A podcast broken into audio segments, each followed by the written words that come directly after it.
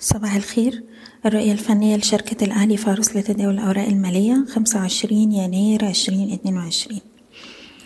امبارح المؤشر وصل التراجع رغم انخفاضات امبارح لكنه مسجلش له جديد وقفلنا عند مستوى حداشر ألف ستمية وستاشر وما زالت أحجام التداول أقل من المتوسط.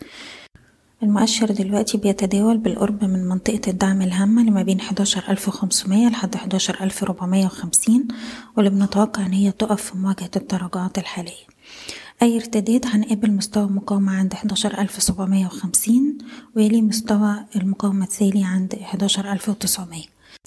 من المهم جدا لما نلاقي السوق يبدأ يرد إن إحنا نشوف أحجام تداول عالية مع تحسن مؤشرات صحة السوق عشان نقدر نضمن على استمرارية الحركة الصاعدة وبشكل عام إحنا ما زلنا بنبكي على رؤيتنا الفنية إن أي تراجعات في الوقت الحالي ما زالت في إطار عمليات التصحيح الطبيعي. هنتكلم على بعض الأسهم النقط اللي محتاجين نركز عليها الفترة اللي جاية. هنبدأ بسهم حديد عز.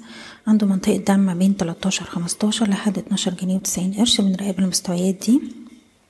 لو حصل تماسك وارتداد أقرب مقاومات هتكون عند مستويات الأربعتاشر جنيه والأربعتاشر وربع.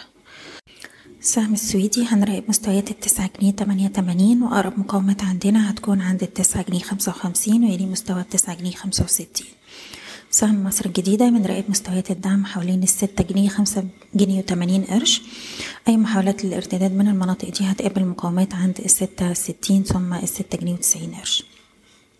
سهم إم إم جروب امبارح وصل لمستوى سبعة جنيه وعشرين قرش وقدر يرد من المستوى ده بأحجام تداول عالية. طول ما إحنا فوق السبعة جنيه وعشرين قرش شايفين عنده بيستهدف مقاومات سبعة تسعين ثم التمانية جنيه وعشر قروش.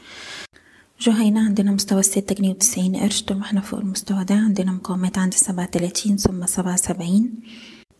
بالنسبة لسهم مدينة نصر برضه بنراقب مستويات عند الاتنين جنيه وستين قرش اتنين جنيه خمسة وخمسين. وأقرب مستويات مقاومة عندنا هتكون عند الاتنين تمانين اتنين تسعين. أخيرا المجموعة المالية هرمس امبارح شفنا تماسك وأحجام تداول عالية. عندنا مقاومة عند الأربعتاشر جنيه وسبعين قرش. محتاجين نطلع فوق المستوى ده عشان نقدر نكمل ارتداد لمستويات الخمستاشر جنيه وربع.